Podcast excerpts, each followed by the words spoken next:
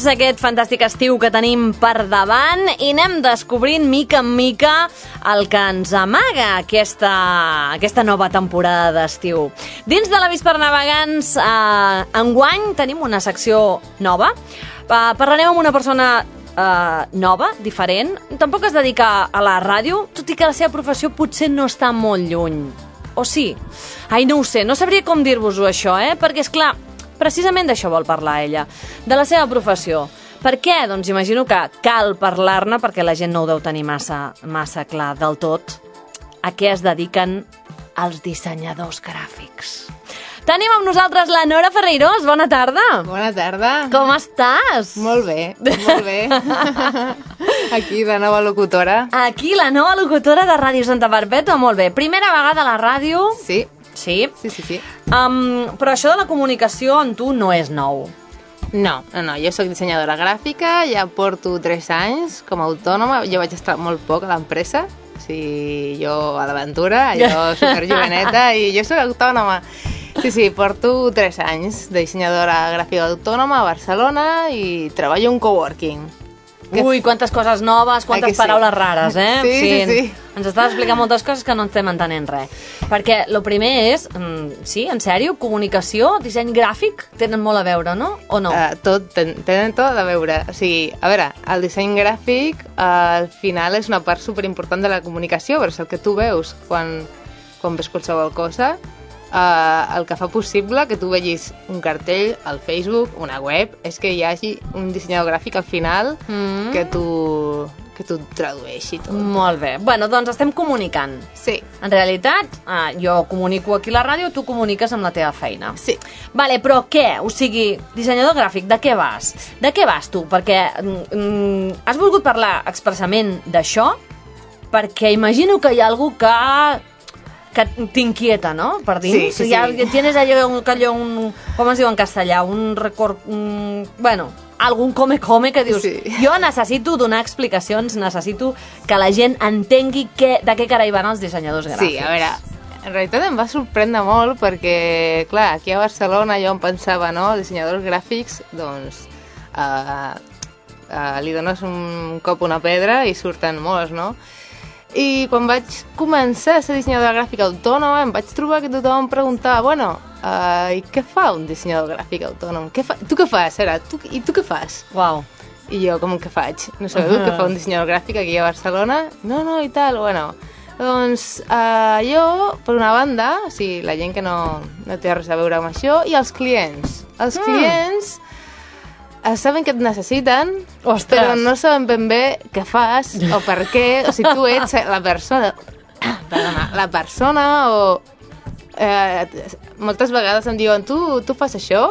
I jo, sí o no. I he d'explicar cada vegada una mica què faig, els processos, en què consisteix la meva feina o bueno, una mica va tot això. I em va sorprendre molt perquè bueno, jo, que vinc de, de Galícia, en Galícia, en Galícia no és tan típic allò, o no era tan típic quan jo vaig començar Mhm.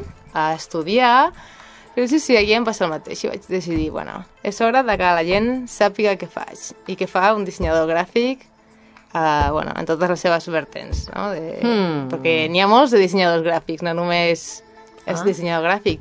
Ah, Doncs us contaré una mica el que fa un dissenyador gràfic des de que els dissenyadors gràfics existeixen.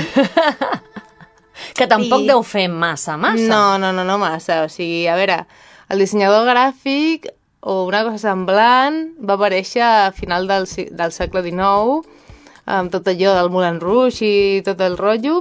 Aquesta es considera que és la primera vegada que es fa alguna cosa semblant al disseny gràfic, és com feien aquells cartells no, del Moulin Rouge amb les dones ballant i introdueixen el text per primera vegada, no? Però, bueno, eren dibuixants. Clar. Sí, eren dibuixants. Clar. I es feia només... Bueno, no hi havia aquell concepte de que el dissenyador gràfic soluciona res. Era una mica, bueno, necessitem un cartell bonic. Era havia com un extra, no? Va, anem a fer un cartell bonic, que ens el facin. Sí, bueno, començava una mica allò de la, de la indústria i tal, la competència, doncs sabien que necessitaven alguna cosa per diferenciar-se, però, bueno, una mica amateur. Doncs teníem el dibuixant i l'impressor, i ja està. Uh, llavors, bueno, en el segle, uh, segle XX, una mica de història d'art, van aparèixer les, van, les avantguardes, uh, que és tot allò, aquest món art artístic de revolució, del Picasso, del Dalí, uh -huh. de, bueno, trenquem una mica com el que hi havia. Doncs el disseny va ser una mica artista, l'artista que fa... Bueno, es, es, es baralla, o sigui, es mesclava una mica, no?, el que era l'artista i el disseny, i encara no hi havia això de el dissenyador que fa alguna cosa necessària. Fins als anys 50, que eh, apareixen el, la Bauhaus, que és una escola de disseny, i l'escola de Ulm, estaven aquí a Europa, to, totes dues, i plant, eh, van plantejar allò, que el disseny és una cosa que soluciona problemes. O sigui, no només eh, és una cosa estètica que diu, que diu qualsevol cosa, sinó que és si hi ha un problema de comunicació, la gent no m'entén i hem de solucionar aquest problema.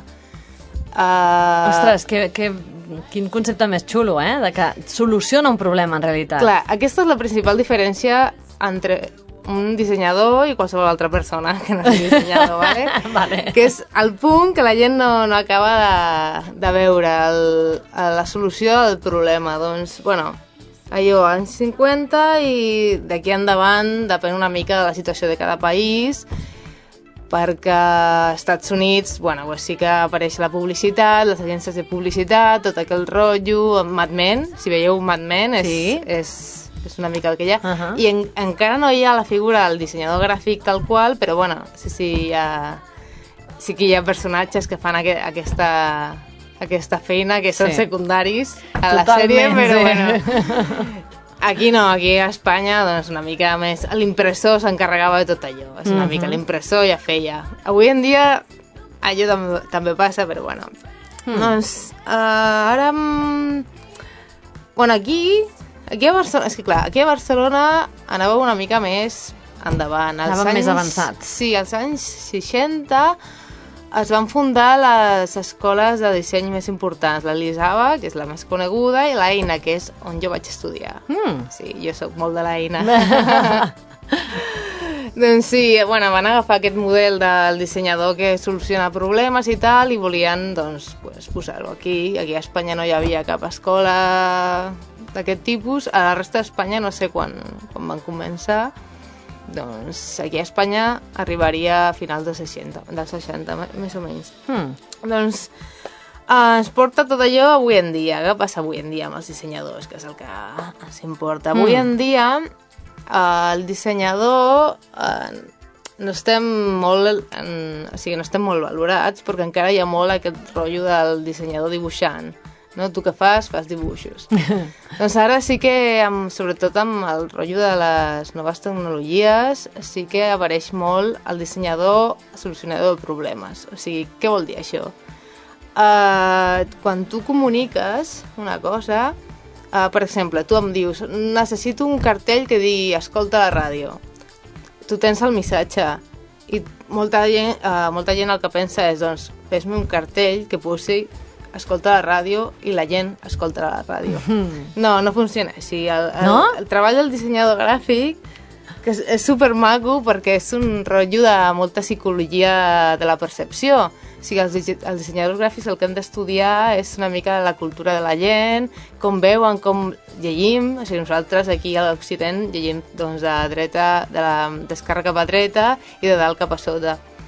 Uh, tot, tot aquest tipus de coses condicionen com tu veus, com, percebre, com perceps les coses, doncs aquest anàlisi, hi ha una teoria molt guai de... Bueno, és la llei del, de Gestalt, que li diuen, que ens explica com nosaltres aquí a Occident percebim el, les formes, els colors...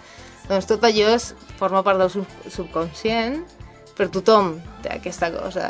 I nosaltres hem d'analitzar segons moltes coses, segons un, un, un missatge no el rebre igual una persona de Pedralbes que una persona de la Berneda, per, uh mhm. -huh. perquè té uns condicionants diferents, doncs tu has d'estudiar el teu públic, l'edat, el país, tot allò, per saber com el mateix missatge arriba o no arriba. Doncs clar, si tu tens...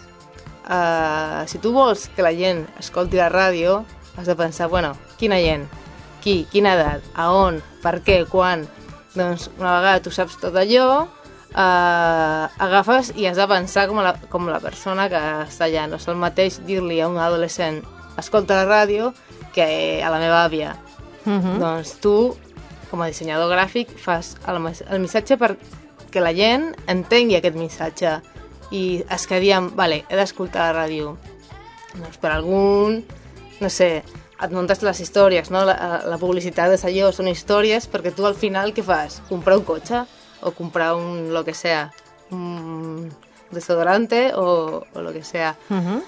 Doncs allò és el treball d'un dissenyador gràfic, aquest anàlisi cultural, psicològic de la, i de la percepció visual segons la teva jo què sé, identitat, la teva classe social, el que sigui. Doncs aquesta és la diferència principal entre un dissenyador gràfic i una persona que només sap utilitzar el Photoshop, Val, per exemple, no? Val.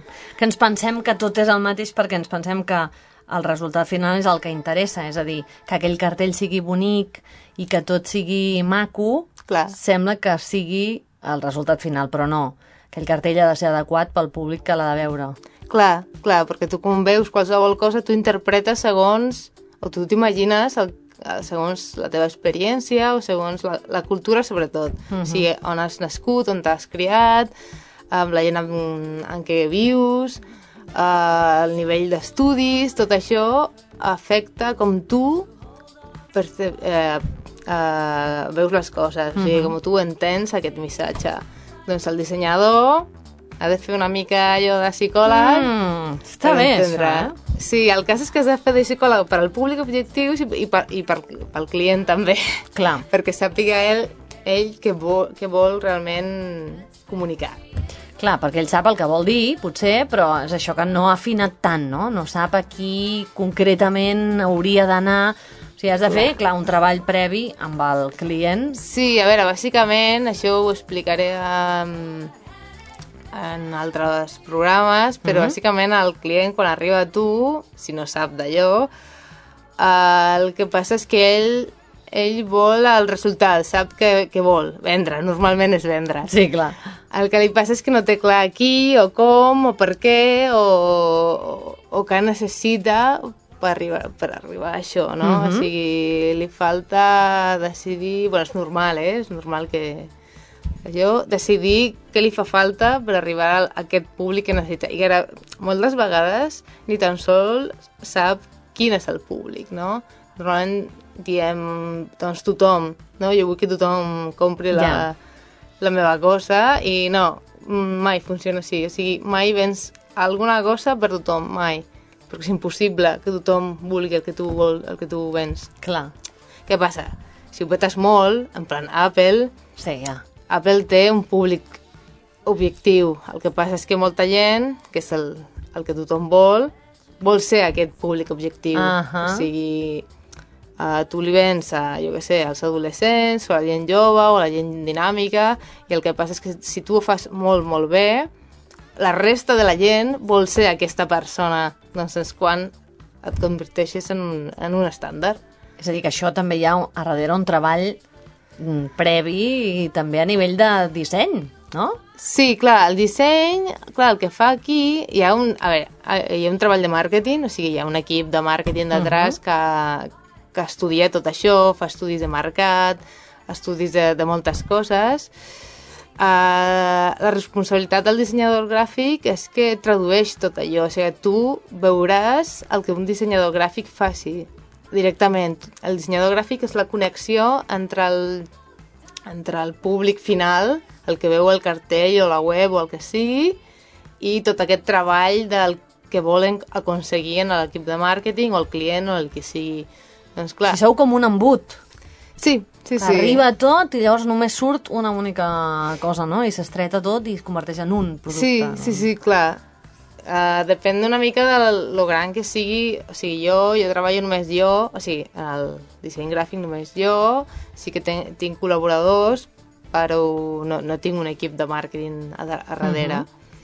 Però sí, sí, en les, en les empreses més grans, les agències i tal, funciona així. Tu tens un equip de comunicació super, super gran, que toma moltes decisions, que bla, bla, bla, estudis i tot tal, i després et presenta, mira, volem això, això, això, has de convertir-ho en una cosa que visualment, doncs, la gent uh, capti el, el missatge. Mhm. Allò és lo guai. I bueno, una, una cosa que està passant ara, que m'està agradant molt del disseny gràfic, mm. encara que molt més en...